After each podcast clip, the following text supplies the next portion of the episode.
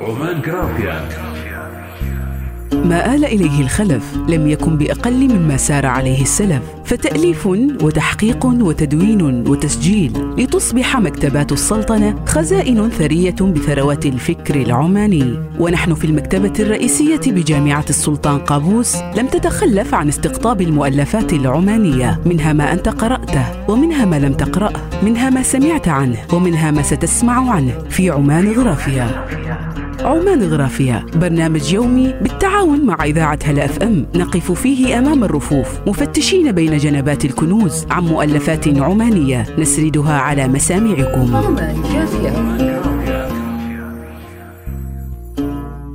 منهاج المتعلمين راشد بن عميرة الرستاقي المكتبة الطبية العمانية رصيد ومخزون لما وصل إليه العماني من إنجازات.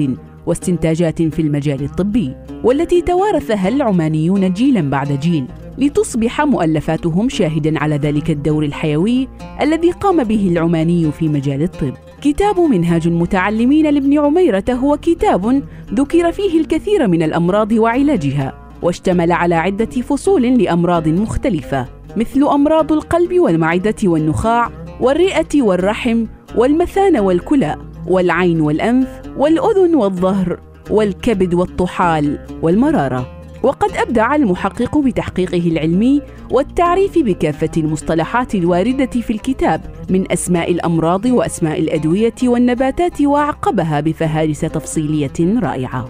الطبيب العماني راشد بن عميرة بن ثاني العيني الرستاقي ولد في القرن السادس عشر الميلادي بقرية عيني بولاية رستاق وقد عاش في عائلة تعتني بالطب والعلم. جمع بين الطب والصيدلة والشعر والأدب. أبرز مؤلفاته منهاج المتعلمين وفاكهة السبيل ومقاصد الدليل وبرهان السبيل.